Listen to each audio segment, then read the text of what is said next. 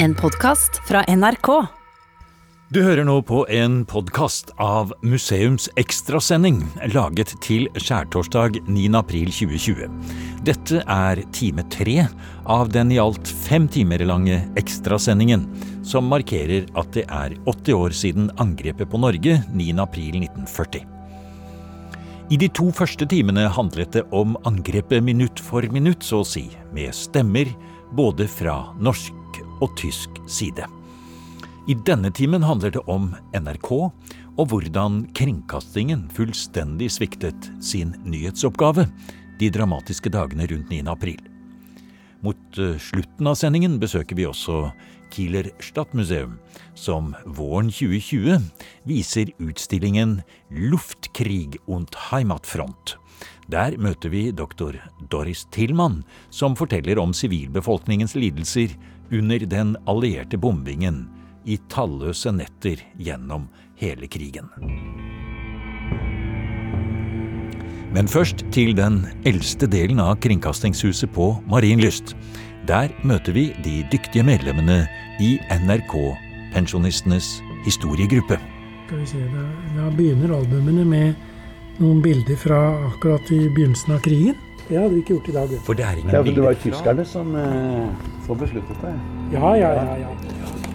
Dette er ikke publisert fordi at eh, hensynet til de som er med, ikke er klarert. Er Hva var NRKs rolle i de kritiske timene og dagene 8. og 9. april 1940? Og hvordan kunne NRK bli nazistenes propagandasentral i Norge under hele krigen? 9. april var sangens og musikkens dag i NRK. Det var ikke noe verbalstoff å sende. I stedet gikk grammofonen non-stop, fortrinnsvis med norsk musikk. Velkommen til time tre i P2s markering av at det i dag er 80 år siden angrepet på Norge den 9. april 1940. Denne ekstrasendingen fra museum startet klokken åtte i dag og skal holde på helt til klokken 13. Mye av det vi får høre er hentet fra NRKs historiske arkiv, men det er ikke sikkert at noen har hørt det før likevel. Som for eksempel denne stemmen, som forteller om den gangen han selv var til stede, og så keiser Wilhelm 2. avduke statuen av Fridtjof den frøkne på Vangsnes i juli 1913. På turen tilbake til, til, kaien gikk keiserens vei tett forbi vår hage. Vår familie sto da ved porten, vi to gutter sto nærmere keiseren. Vi hilste, og keiseren løftet og svang sin hatt. Først for oss, siden for mine foreldre. Sommeren etter satte keiseren opp og innvigde den monumentale støtten av Fridtjof. Av keiserens tale husker jeg bare at han sterkt fremholdt at vi sind alle germanen.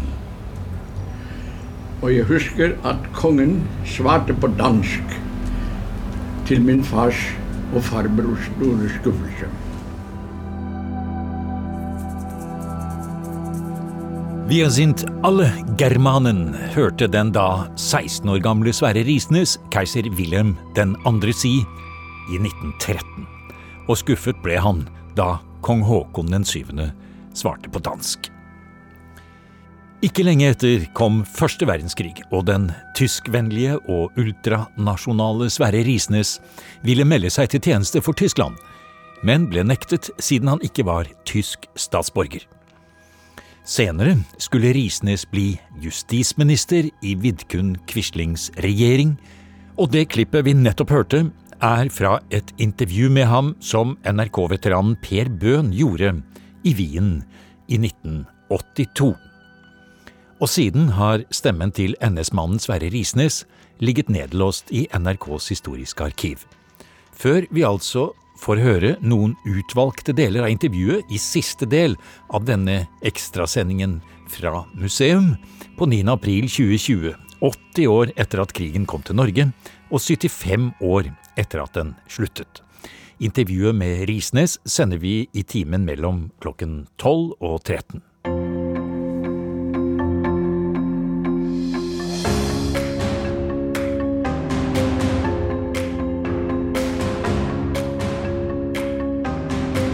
Oslo. Vidkun Quisling, den norske regjerings nye sjef, gir nå en erklæring til det norske folk.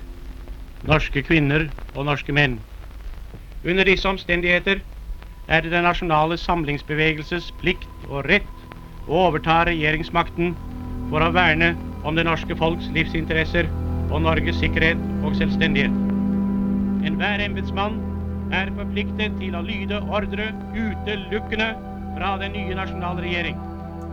I denne delen av P2s ekstrasending om annen verdenskrig i Norge skal det først handle om NRKs egen rolle. Vi skal høre om den store usikkerheten og vanskelighetene i NRKs lille Dagsnytt-redaksjon 8. og 9. april 1940, som nådde sitt bunnpunkt med det vi hørte nettopp her, da den selverklærte nye statsminister i Norge, Vidkun Quisling, erklærte sitt statskupp ved halv åtte-tiden om kvelden. Vi skal også høre om NRKs frie sender, som ikke var i London, men i Boston.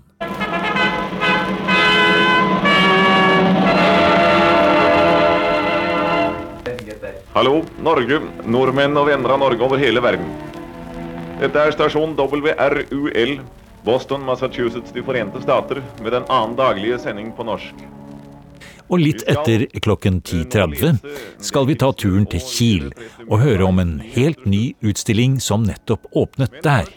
Den handler om luftkrig und Heimatfront, men der betyr hjemmefront at sivilbefolkningen ble bombet sønder og sammen gjennom mange år av engelske og amerikanske fly hver eneste natt. Men nå over til Dagsnytt 9. april 1940. Kommanderende admiral melder natt har tyske krigsskip forsert Oslofjord festning under kamp med festningens batterier og fortsatt videre. Klokka 4.30 meldtes om heftig kamp mellom en del av krigsskipene og Oscarsborg. En krysser passerte forbi festningen, men senere satt på land ved Digerud. Den første Dagsnytt-sendingen den kom vel klokken sju om morgenen, Hans Fredrik da? Ja, den var da basert på nattens meldinger og som et avgjørende utsagn om hva som var i ferd med å skje. NTBs melding som tikket inn klokka 6.58, der kommanderende admiral melder at i natt har tyske krigsskip forsert Oslofjorden festning, at de er kommet inn til Trondheim, at det foregår kamper ved Narvik, og at også fra Kristiansand meldes det om kamper. Dette er den definitive krigsmelding. Den gikk ut klokka 7, 7.15, 7.30, 7.45, 8. Og det første opptaket, lydarkivopptak som eksisterer av denne historiske sending, ble gjort av Sveriges Radio klokka halv ni. Da var i tillegg den meldingen kommet til at regjeringen hadde besluttet å uh, evakuere seg, Stortinget og kongefamilien nordover mot Hamar. Uh, og dette var kanskje hovedingrediensen i det opptaket fra halv ni som vi her har et bruddstykke av. Statsminister Nygaardsvold var reist oppover i bil på forhånd. Norsk telegrambyrå hadde en kort samtale med utenriksminister Koht like før avreisen. Utenriksministeren fortalte at han i dag morges klokka fem fikk besøk av den tyske sendemann, som både skriftlig og muntlig ga uttrykk for at Norge ikke burde gjøre motstand når tyskerne nå har landsatt tropper på enkelte viktige steder i Norge. Han sa at Norge nå gjorde rett i å gå under tysk militæradministrasjon. Utenriksministeren påla straks denne tyske henvendelsen Ja, det var Toralv Øksnevad klokken halv ni, og en time senere kommer Olav Rytter med flere nyheter. De siste nyhetene. Stortinget og regjeringen forlot tidlig i dag morges Oslo for å ta sete i Hamar. Statsminister Nygaardsvold har reist oppover i bil på forhånd. Norsk Telegrambyrå hadde en kort samtale med utenriksminister Koht like før avreisen. Og så klokken ti flere nyheter. Nå er det hallomann Hartvig Kiran som har overtatt mikrofonen. Oslo er i dag erklært i luftverntilstand. Full evakuering skal skje i Oslo og høy bebyggelsen i Aker. Men ingen må flytte til strøket langs Oslofjorden. Disse klippene vi hører her, kan jo nesten virke som en solid og grei dekning av begivenhetene. Men i virkeligheten er det jo ikke sånn i det hele tatt. Det var helt stille natten gjennom fra NRK. Mens det ble skutt fra Oscarsborg, og mens tyske tropper gikk i land i mange byer langs kysten.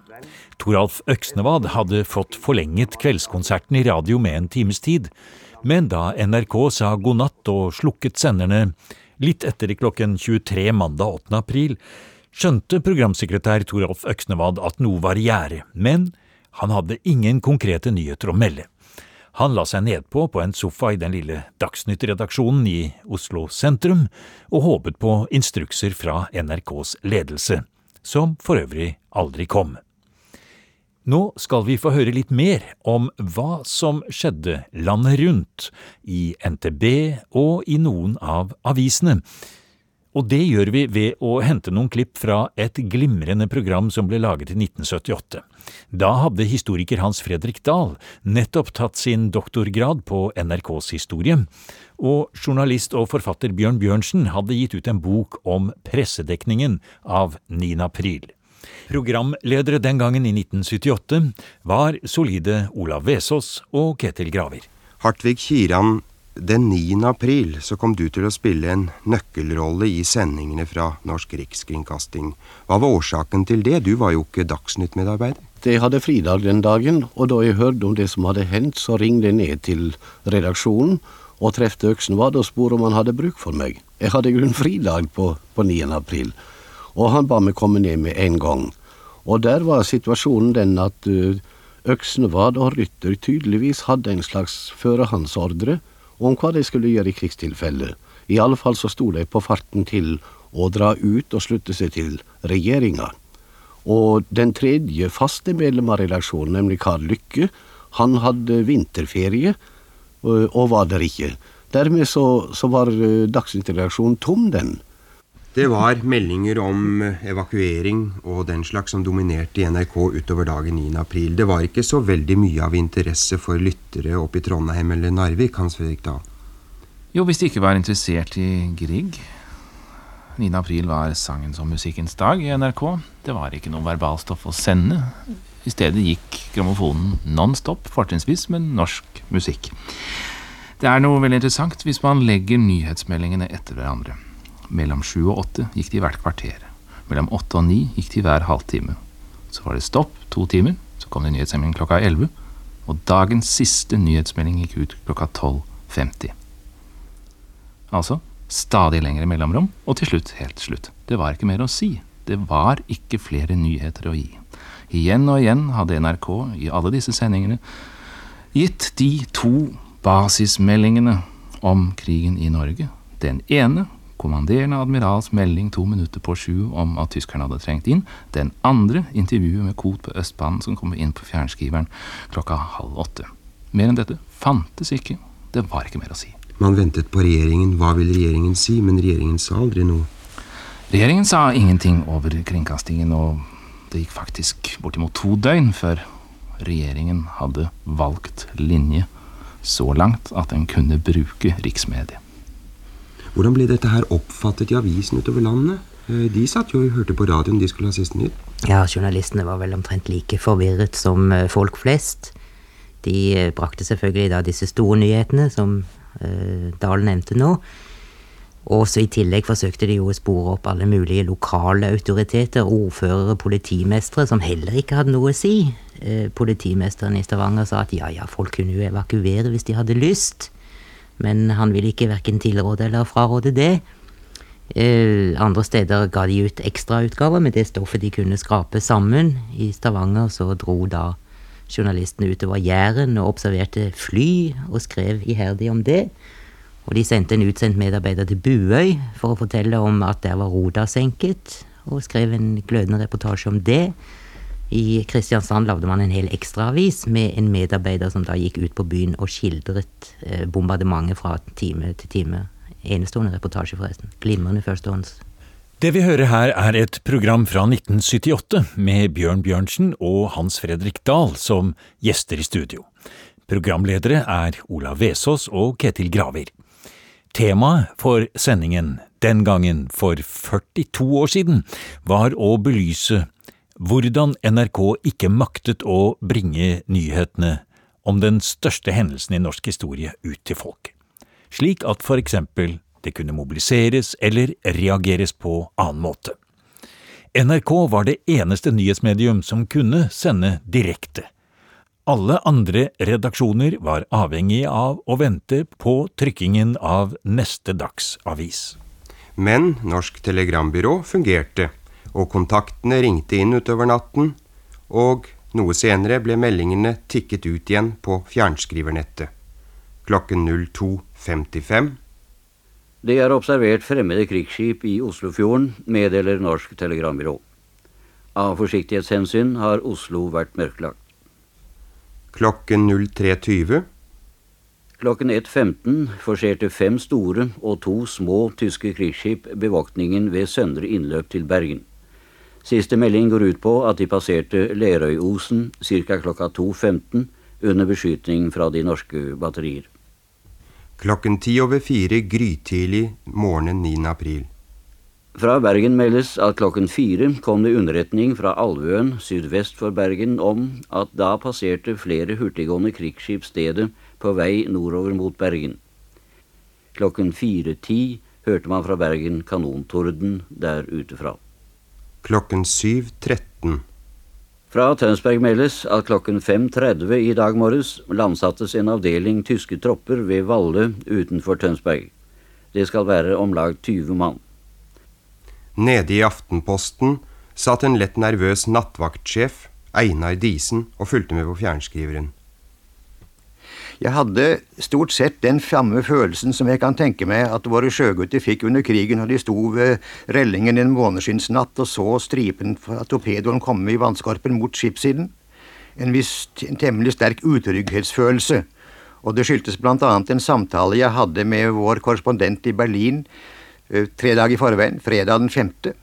Jeg ble kalt opp til mottagningen for å lytte inn på en telefon fra ham. Han holdt på å diktere en melding. Etterpå så jeg gjennom den og så at det var virkeligheten et mesterverk av kamuflert opplysningskunst. I nordtyske havner trakk tyskerne nå sammen sterke sjøstridskrefter med infanteritropper. Og så kom Findals sluttbemerkning. De kommer. Gi beskjed videre. Gjorde du det?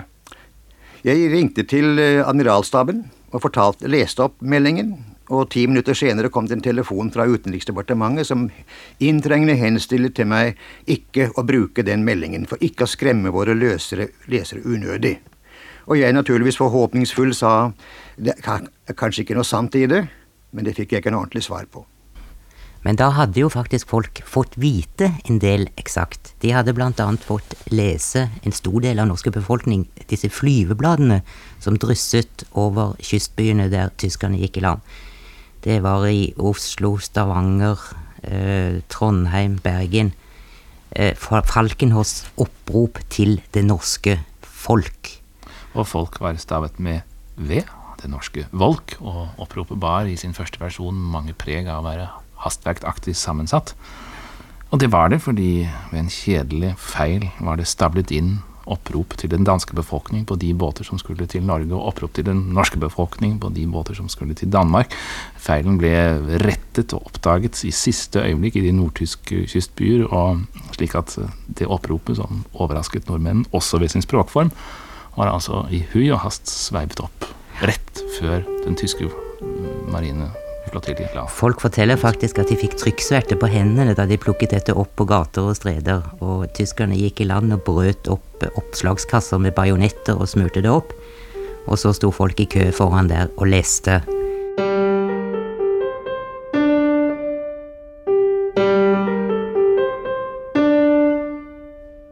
Skal vi se, da, da begynner albumene med noen bilder fra akkurat i begynnelsen av krigen. Det hadde vi ikke gjort i dag. For det er ingen ja, for det var jo tyskerne som eh, får besluttet det.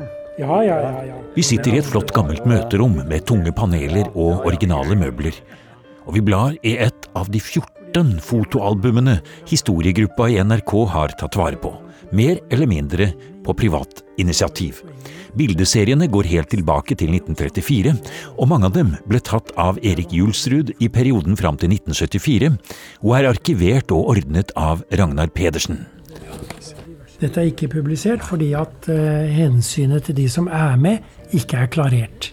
Det er noen bilder fra krigen her som ikke alle ønsker publisert. De, de NRK-medarbeiderne som samarbeidet Ja, ja, med ja. eh, NS. Så derfor er det veldig få som har hørt om Kringreisa, f.eks. For fordi at det ble dysset litt ned.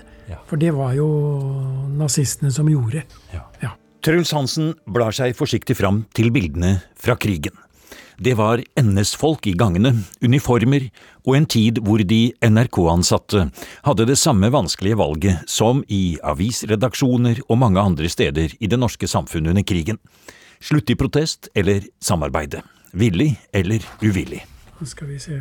Og det er da diverse bilder fra krigen, og også bilder fra styret og de som jobbet i NRK. Og da var det to redaksjoner etter 9. april. Det var den tyske og den norske redaksjonen. Og så er det da bilder fra de som var K-sjefer den gangen. Og da kan vi faktisk eh, kjenne igjen det bordet som fins enda et sted i huset her. På årringen i bordplata. Ja. For det syns. Og så var det en fyr som het Quisling, som det sto byste av nede i resepsjonen. Ja, Og så er det si, fra- hvor er den i dag, vet du? Det, nei, jeg har spurt, men alle tror den ble knust. Ja, Men når det gjelder dette med at det var både en tysk og en norsk eh, redaksjon eh, Svein Sandnes, hvordan fungerte det med Abteilon Rundfunk og folk som gikk rundt i uniform i gangene her? Nei, det tror jeg var allment akseptert, og de to var jo helt uavhengige av hverandre. Altså Målgruppen for eh, den tyske radioen var jo de tyske troppene i Norge. Mens eh, den norske radioen da var for nordmenn flest.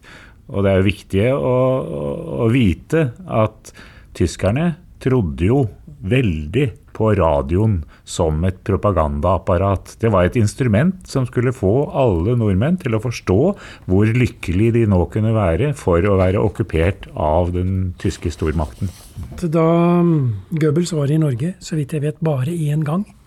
Og en av de tingene han gjorde da, det var å ønske NRK lykke til på turen sin, som var en propagandatur. Utstyr og sånn innredet i sporveisbusser.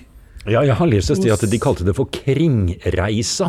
Men hva var Kringreisa for noe? Kringreisa var en reise med altså den første reportasjebussen som NRK da brukte.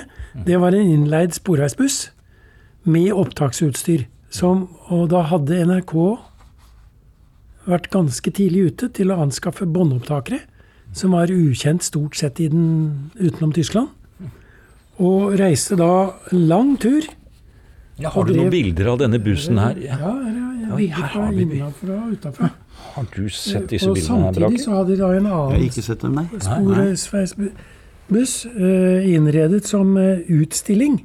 For å vise hvor Ja, og her peker du på bildene. og her ser, ta, Forklar litt om det bildet der, eh, Truls. Nei, Det er rett og slett en utstilling av, de, av moderne radioapparater i 1940. Og så kunne Så, man som da da folk skulle komme og se på. Det var en sånn omreisende utstilling? Det var rett og slett en propagandatur. Eh, Og her ser vi mange er. bilder av bussen. Ja, Ja, her. inklusive båndopptakere. Og det så jo ikke amerikanerne før etter krigen. Så tyskerne var litt moderne også på dette området? Ja, vi. Det var NRK som var moderne. Ja, dette var så det var ikke tysk utstyr, nei? Jo, det var det, men det ble kjøpt før krigen. Aha. Ja. Og her ser vi jo altså bilder av denne kringreisa. Ja. Og hva er det du har bilde av der? Det er Goebbels og Terboven, som er de som ønsker NRK god tur. Det er ganske utrolige bilder, altså. Hele ledelsen var. Ja. Så dette var noe de la vekt på. Og, der, og da også sammen med NRKs eh, folk, da. Den rullende radioutstilling Kringreisa opplever i dag en sensasjon som vel ingen hadde drømt om. Den øverste sjef for den tyske kringkasting, reisminister dr. Goebbels, kom plutselig på en visitt For å, han ønsket å se hvor Og dypt i NRKs historiske arkiv ligger et par begeistrede opptak av direktesendinger nettopp fra det øyeblikk bildene i fotoalbumet skildrer. Nå kommer reisministrene ut av vognen og går inn i neste. De står her i en lang, flott rad. Fire sølvgrå og blå busser med norske flagg. Det er merkelig å tenke på i dag at et NRK-program ble hilst med heil og sel, med full applaus fra NRKs stab. Nå kommer han smilende ut av vognen. Han rekker hånd til alle kanter, hilser på kringkastingens ledelse.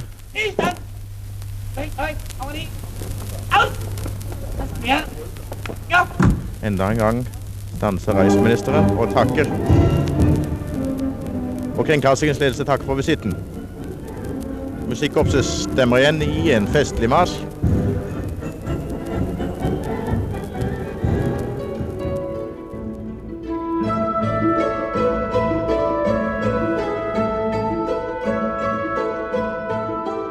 Det blir liksom aldri helt det samme å gå over NRKs parkeringsplass på Marienlyst igjen når man har hørt dette klippet, og ser for seg selveste Josef Goebbels stå der og motta sig og heil fra kringkastingssjefen og en hel skokk begeistrede NRK-medarbeidere. Og selv om NRK var nazifisert, var det vel, bortsett fra Vidkun Quislings statskupp over eteren, omtrent den samme situasjonen i NRK som i andre redaksjoner under okkupasjonen, sier historiker Hans Fredrik Dahl. NRK var, som han sa, nazifisert. Hva betydde det? Jo, at den øverste leder var utpekt av den tyske okkupasjonsmakt, Reichskommissar Terboven. Og under seg hadde den øverste leder, Kristi het han, Quislingsmann, han hadde programdirektør for ord og musikk og sånt, og teknisk direktører også. Disse var delvis NS-medlemmer også, slik at institusjonen var nazifisert, som han sa, ved at dens øverste ledelse var partitro. Det for øvrig så var selvfølgelig alle medarbeidere, de fleste av dem, på palass og lurte på hva i all verden de skulle gjøre, hva meningen med denne okkupasjonen egentlig var. Ja, og vi skal snakke litt mer om det, hva NRK egentlig faktisk gjorde også, men la oss bare holde litt fast ved denne Goebbels som vi nå hørte var på besøk på nær sagt på parkeringsplassen her og så på Kringreisa, denne propagandautstillingen det var vel faktisk tenkt da fra, de, eh, fra nazimyndighetenes side at NRK faktisk skulle være en viktig propaganda, et propagandavåpen eh, i den første delen av, av, krigen, før radioene ble inndratt. Ja, det kan man i høy grad si. Og du kan jo bare tenke på at eh, riksprogrammet over NRK var jo et landsdekkende program tilbud, og førsteklasses innrettet for et nytt parti, da, som NS var, som ville så å si gripe, ikke bare gripe, men også befeste makten. Eh, NS hadde sin dagsavis, Fritt Folk, men den hadde jo ingen av de andre 200 avisene i Norge. De var skal, skal si, lokale og partipolitiske. Så det å ha kontrollen over kanalen NRK og den riksdekkende radio var veldig viktig for NS. Man tenkte seg at, at, eh, skal vi si, at NRK ville få en fremtredende rolle i nazifiseringen av Norge ja, kan man gå så langt som å si at NRK ble eh, ble talerøret for NS? Ja, det Vi har mange eksempler på det, at det ble holdt foredrag om den nye tid av NS-lojale medarbeidere, da, og ytret ord over riksnettet som absolutt var til partiet, det nye partiets kan vi si, støtte og hjelp. Og Quisling selv da han var først NS-leder og senere ble statsminister, brukte jo mikrofonen og studio til sånne viktige meddelelser som f.eks. å oppfordre unge norske gutter til å melde seg til, til soldater på østfronten.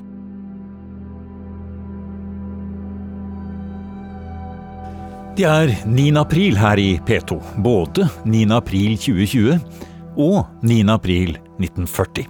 Dette er tredje time av en fem timer lang markering av at det i år er 80 år siden annen verdenskrig kom til Norge.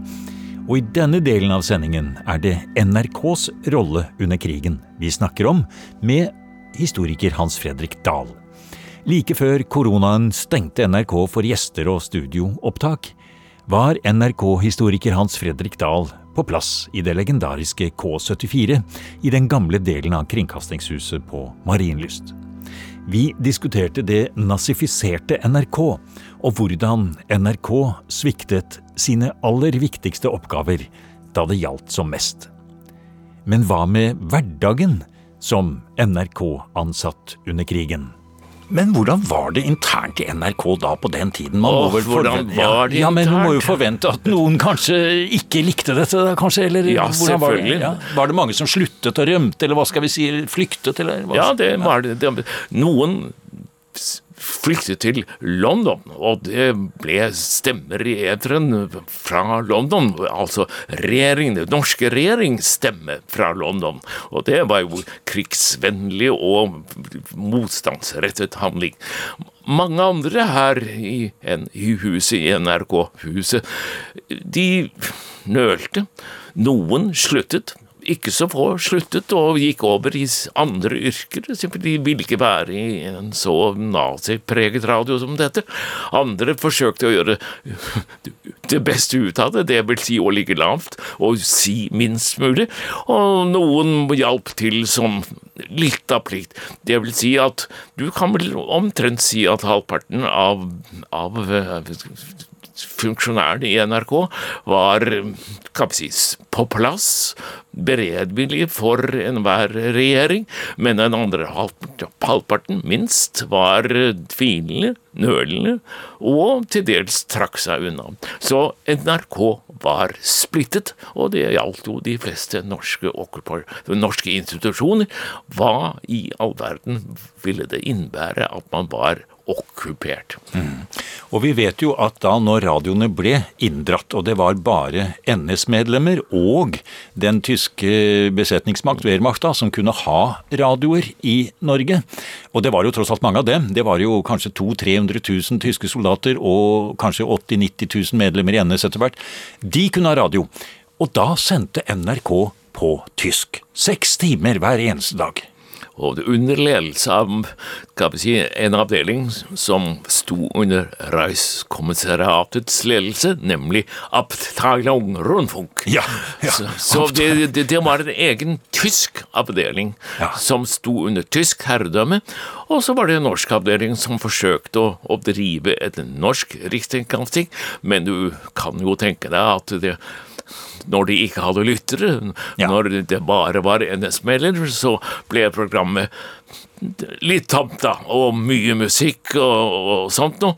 Jeg, jeg var ikke så veldig mange som hørte på. Den virkelig spenningen, den, den interessante ting, er jo at skal vi si, de allierte nyheter over London, BBC, det var det som spilte en rolle for folk flest. Ja, og det som kom fra London, det var jo BBCs program hvor det arbeidet norske stemmer. Hvordan foregikk det i praksis når en norsk tidligere NRK-ansatt som nå befant seg i London, skulle f.eks. lese opp nyheter? Kunne det være nyheter som var, skal vi si, uavhengige og talerør for den norske eksilregjering, eller var det rett og slett BBC som bestemte alt? BBC bestemte svært mye. De var jo selvfølgelig sendere, ikke sant?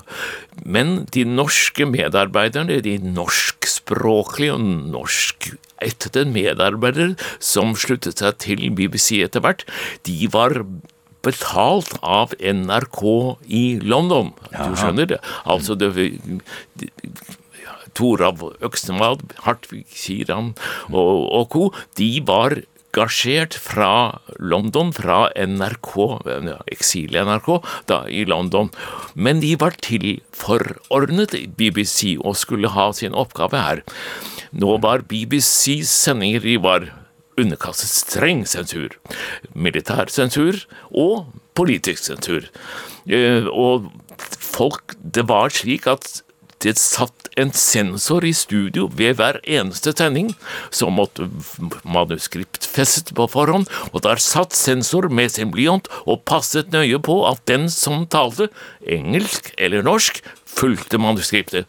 Og fulgte man ikke manuskriptet, så grep sensor inn og avbrøt sendingen. Så det var full alliert språklig engelsk kontroll over BBC. Men NRK hadde en fri sender, og den var ikke i London. NRK skaffet seg en sender i USA eh, ved at de kom seg inn på det amerikanske nettverket gjennom en sender i, ledig sender i Boston-området. Og den var, skal vi si, mere ja, friere enn britisk kringkasting BBC og NRK over BBC og norske stemmer i BBC. Friere enn de var. Så det er riktig at NRK, eller norske stemmer fra USA, var kan vi si friere. Men jeg vil understreke det én ting, og det er at regjeringen i London, den norske regjeringen altså, ja, ja. de kjempet jo en krig. Og det at kringkastingen var underkastet alliert britisk militær og politisk kontroll. Det var helt selvsagt. Ja, for det var jo alliert. Så, ja, ja, det var alliert. Det var jo på parti. Alle var enige om at det var noe som skulle sies, og noe som ikke skulle sies. Ja, men akkurat på dette punkt, Hans Fredrik Dahl, så tenkte jeg det var viktig å få klarlagt, for det sies ikke så ofte, du nevner det i, i din NRK-historie, men det er ikke så ofte man nevner denne WRUL i Boston som NRK styreleder og to av de øverste ingeniørene i NRK ble sendt sporenstreks bort med en gang. De kom til USA ganske tidlig, eh, eh, og de hadde med seg penger, og de etablerte denne senderen. Og kronprinsesse Märtha talte jo den når hun kom over, og mange andre veldig kjente mennesker. Den gikk på en kortbølge, og var vel egentlig ment for de norske sjøfolkene rundt omkring hele verden. Det var en sjømannssender som det ble sagt, og den gikk på kortbølge og ble lyttet til av mange norske sjøfolk, som det var jo 36 000 av dem som var engasjert i alliert fart, og de lyttet til denne kortbølgesenderen. Nå gikk BBCs programmer de gikk over mellombølge og langbølge, og, men det var også BBC Nyheter, på engelsk da, engelskspråklig, som gikk over kortbølge, slik at det er av og til så får man inntrykk av at norske sjøfolk hørte på London, og av og til hørte de på, på WRUL, nemlig NRK fra USA. Og hva de hørte på, det kunne man kanskje diskutere, men det var ikke så veldig forskjellig. Det var vel egentlig slik at BBCs norskspråklige sendinger fra London hadde den skal si, det er en fordel at de satt regjeringen og regjeringskontorene nær, og kunne være aktuelle på den måten.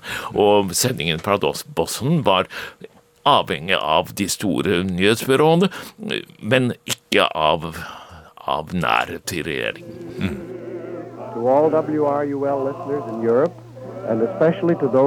Norway, Denmark and Sweden, your attention.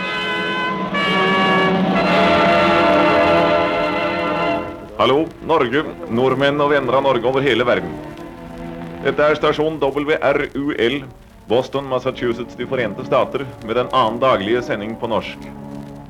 Den tydelige og norske kortbølgestemmen vi hører i bakgrunnen her, tilhører en av NRKs beste ingeniører, Gunnar Nygård, som var med på å starte NRK-sendingene fra Boston, og som senere også var ledende i å bygge ut NRKs kortbølgesendere i Norge etter krigen, noe som la grunnlaget for det populære utenlandsprogrammet, eller sjømannssendingen som mange kalte den.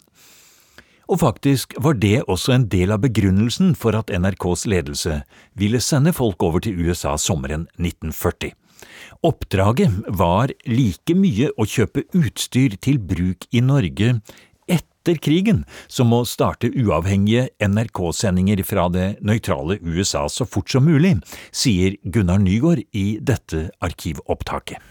Nå blir som nevnt Nord-Norge oppgitt 7. juni, Og samtidig bestemte den delen av NRK som inntil da hadde oppholdt seg i Tromsø, med styreformann doktor Juris Arnold Restad i spissen, at det skulle sendes to mann fra NRK til Nord-Amerika, med det formål å forberede anskaffelse av nytt materiell til erstatning for sendere som var blitt ødelagt under den tyske invasjonen.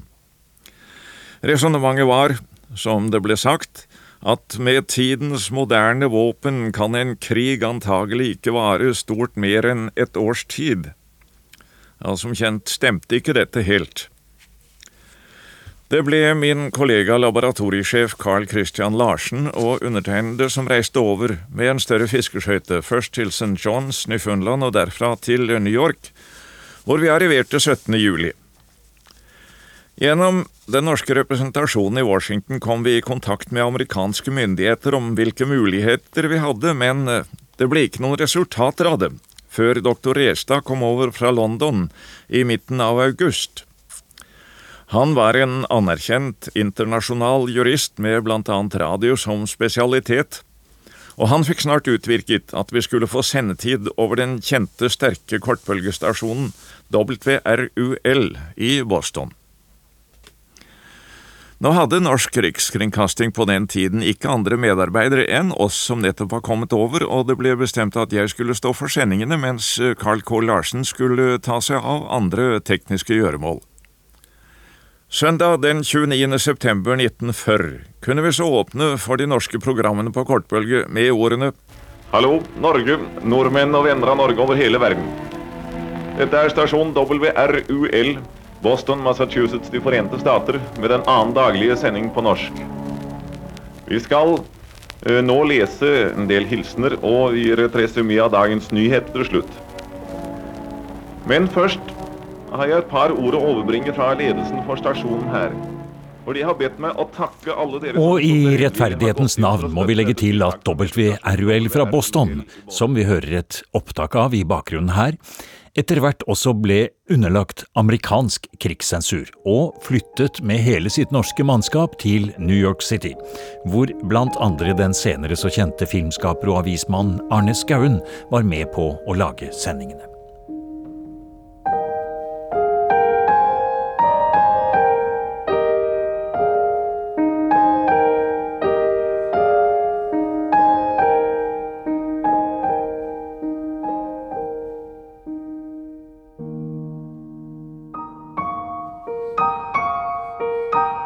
Du hører nå på en ekstrasending fra Museum i P2, hvor vi markerer at det i år er 80 år siden angrepet på Norge den 9. april 1940. Vi startet klokken åtte i dag morges, og da var temaet senkingen av Blücher, tidsvitner og krigen minutt for minutt. I mange andre museumsprogrammer har vi fortalt om Kongens nei og flukten til Balsfjord i Nord-Norge, og reisen videre over til England for eksilregjeringen konge og kronprins, og vi har fulgt kronprinsesse Märtha og barna i USA. I denne sendingen skal vi nå en liten tur til Tyskland. Etter Dagsnytt klokken 11 skal vi høre om kvinnenes krig. Og en ny bok historiker og forfatter Mari Jonassen gir ut nå i vår. Det er som en liten innledning til det. Vi tar med noen minutter fra museums reportasje fra Bymuseet i Kiel, hvor det i en ny utstilling denne våren handler om hvordan sivilbefolkningen i Tyskland, og spesielt i Kiel, også ble et av krigens ofre. Vi er i gamlebyen i Kiel, i Danmarksgaten. På bykartet ser vi at vi står omtrent midt mellom boligområdet Blücher Park og Hiroshima Park.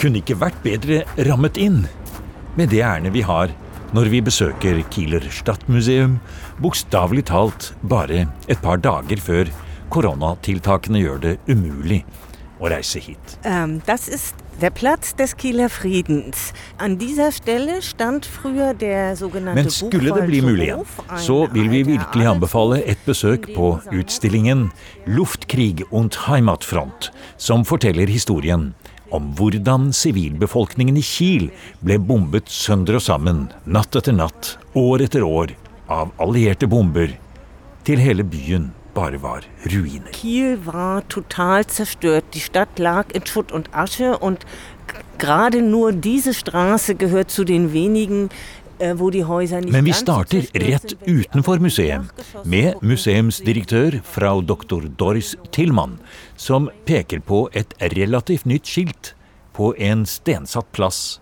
rett bak bygningen som huser Bymuseet. Das ist ähm, der, der Grundstein für die Neuordnung, territoriale Neuordnung Skandinaviens und äh, von den Norwegern habe ich gelernt, dass da auch die Staatsgründung Norwegens eng im Zusammenhang mitsteht. Historiker Doris Tillmann synes det er morsomt at museet hun leder, ligger akkurat på det stedet Kiel hvor den berømte Kieler-traktaten ble undertegnet i desember 1813.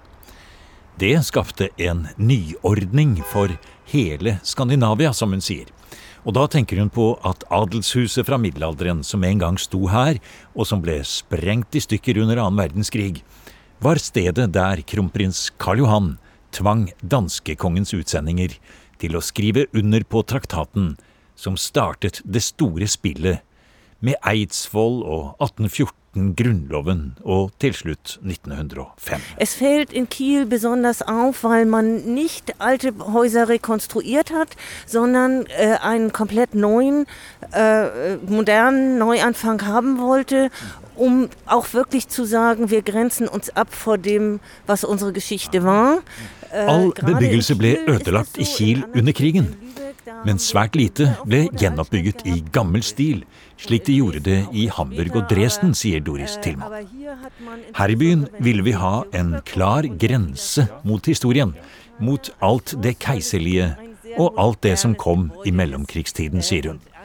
Kiel ble gjenoppbygget som en ny og moderne by, med svært få spor etter middelalderbyen som en gang lå her. Går vi opp trappa her, så står vi og ser på et kjempestort bilde fra verftet i Kiel. Die großen Schlachtschiffe, die eigentlich, deren Bau eigentlich verboten war durch den Versailler Vertrag, äh, dieser Bau wurde wieder aufgenommen ab 1935. Das deutsch-britische Flottenabkommen hat quasi den Det første som møter oss i den nye utstillingen om luftkrig und Heimatfront på Bymuseet i Kiel, er et enormt bilde av et stabelavløp på det keiserlige krigsverftet, som i all moderne tid har vært ryggraden i byens eksistens. Fra midt på 1930-tallet ble det bygget store krigsskip her stikk i strid med det som var avtalt i Versailles-freden. Og det vi ser på bildet i trappeoppgangen, er selveste slagkrysseren Blücher, som vi kjenner igjen fra 9. april. Rundt den flotte båten står tusenvis av sivile borgere i Kiel i sin beste stas, pluss uniformskledde nazimedlemmer i hundrevis, med hakekorsbanner, den tyske ørn og girlandere med Heil Hitler. Alle er med, alle hyller det tyske nasjonalsosialistiske Arbeiderparti og den nye føreren. Äh, das ist ein Bild, was unsere Besucher heute auch sehr fasziniert. Ja. Ähm, man hat vieles davon im Fernsehen gesehen und, und äh, kennt äh, viele Geschichten dazu, aber wenn man diese Dette er et bilde som forbauser, særlig de unge som kommer hit til utstillingen, sier museumsdirektør Doris Tillmann. At oppslutningen og Hitler-hilsenen var så unison og så begeistret, er det vanskelig å tro i dag. Men sånn var det, sier Tillmann. Så godt som alle var med. Og når krigen kom, var det full oppslutning om den også, sier Tillmann som legger til at det knapt var noen som i begynnelsen av krigen en gang kunne forestille seg hva luftkrig og terrorbombing kunne gjøre. Nein, man hat es nicht, nicht, äh, sich überhaupt nicht vorstellen können, was da kommt. Und ich glaube, das ist etwas, was wir, äh, was wir gut nachvollziehen können. Die Macht der Zerstörung, die da auf die Leute zukommen sollte, man konnte es sich nicht vorstellen. Und wenn man das gekonnt hat, auf dem ja. Plakat sehen wir einen äh, kräftigen jungen Arbeiter, blond und diese typische Haltung und Figur, die äh, in diese Zeit gehört. Und der Text heißt, dein Arbeitsplatz gehört zur Front. Nimm Deckung gegen Unfall und Gefahr. Äh, Heimatschutz, Front. Äh, Heimatfront, Heimat, ja. Plakat, wo man wirklich sieht, der, der Blick des Arbeiters und ja. des Soldaten ja. und die Frau, die hier auch irgendwie in so einer Uniform steckt. Alle müssen zusammenstehen. Und am äh, eindrücklichsten finde ich dieses Plakat. Det gjør et voldsomt inntrykk å se de mange personlige bilder fra fotoalbum og dagbøker, offisielle plakater, fotografier av brann, bomber og ødeleggelse, og også noen gjenstander fra hus og hjem i Kiel, kanskje trukket ut fra ruinhauger og tatt vare på. Men der hvor en hel by er bombet og brent, er det ikke så mye igjen av fysiske gjenstander. 300 000 mennesker bodde i Kiel før krigen. Etter at mennene var sendt til fronten, barna på landet og mange titusener hadde flyktet eller blitt drept i bomberegnet, var det ca. 140 000 mennesker igjen i Kiel da krigen var over. Die, die Väter waren an der Front, die Kinder waren aufs Land geschickt, die Mütter waren in den Fabriken, alle sozialen Bindungen waren aufgebrochen. Man wusste auch nicht mehr, wo waren die Verwandten eigentlich, wo waren die Nachbarn, wenn sie ausgebombt waren. Also das wird am Ende des Krieges auch noch mal ganz deutlich, dass, dass eigentlich alle gesellschaftlichen Strukturen und alle bindungen zerstört waren. Fedrene var sendt til fronten, mødrene arbeidet i fabrikkene, og barna var sendt på landet.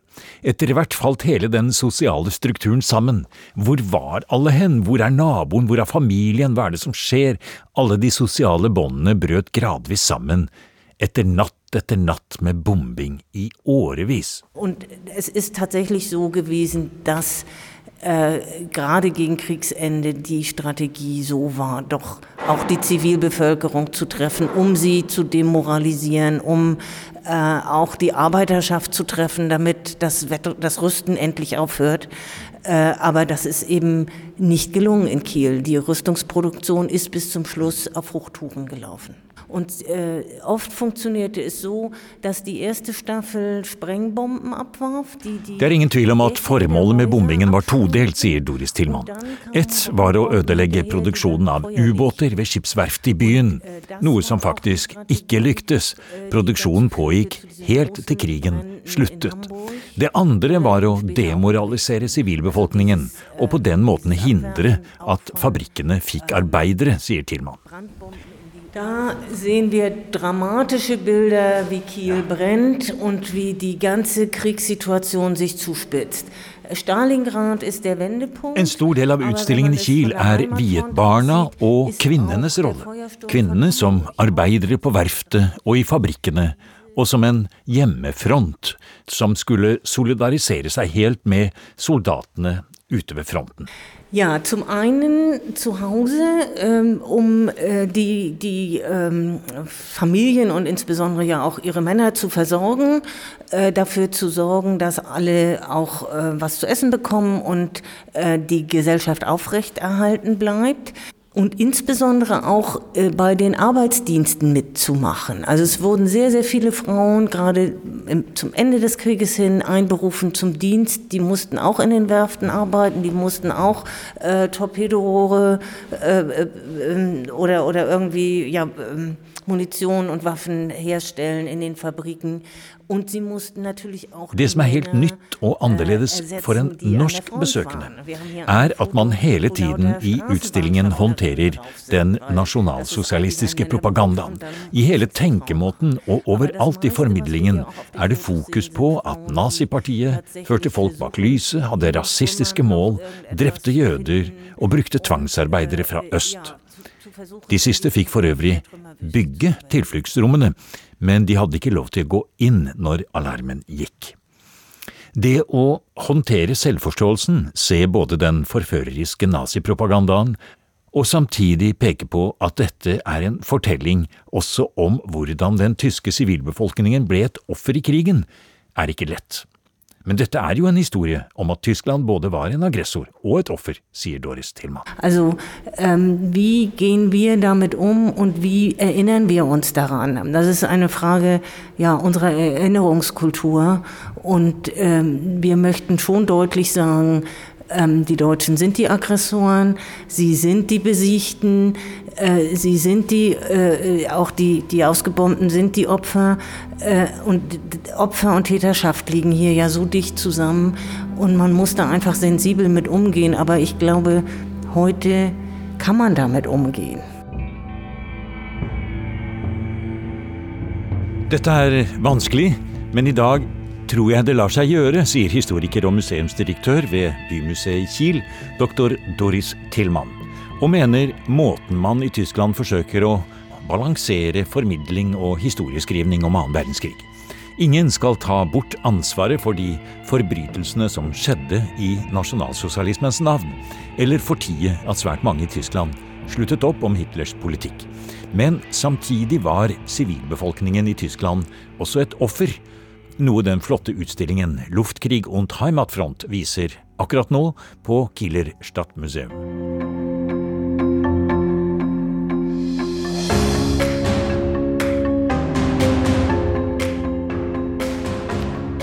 Etter Dagsnytt nå klokken 11 skal vi fortsette her i P2 med denne temasendingen om at det i år er 80 år siden angrepet på Norge 9.4.1940.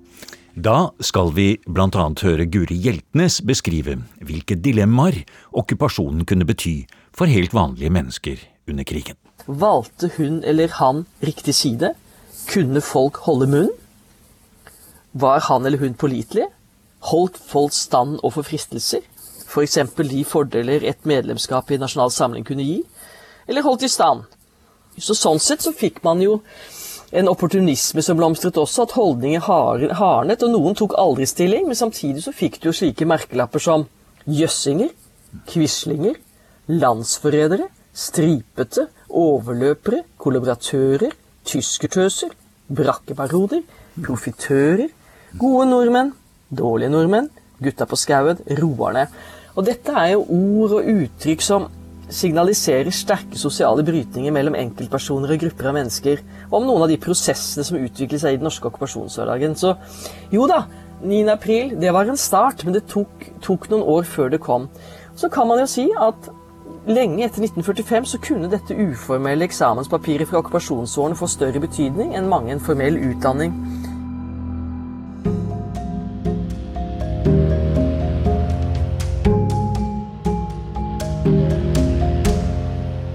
Du har hørt en podkast fra NRK P2.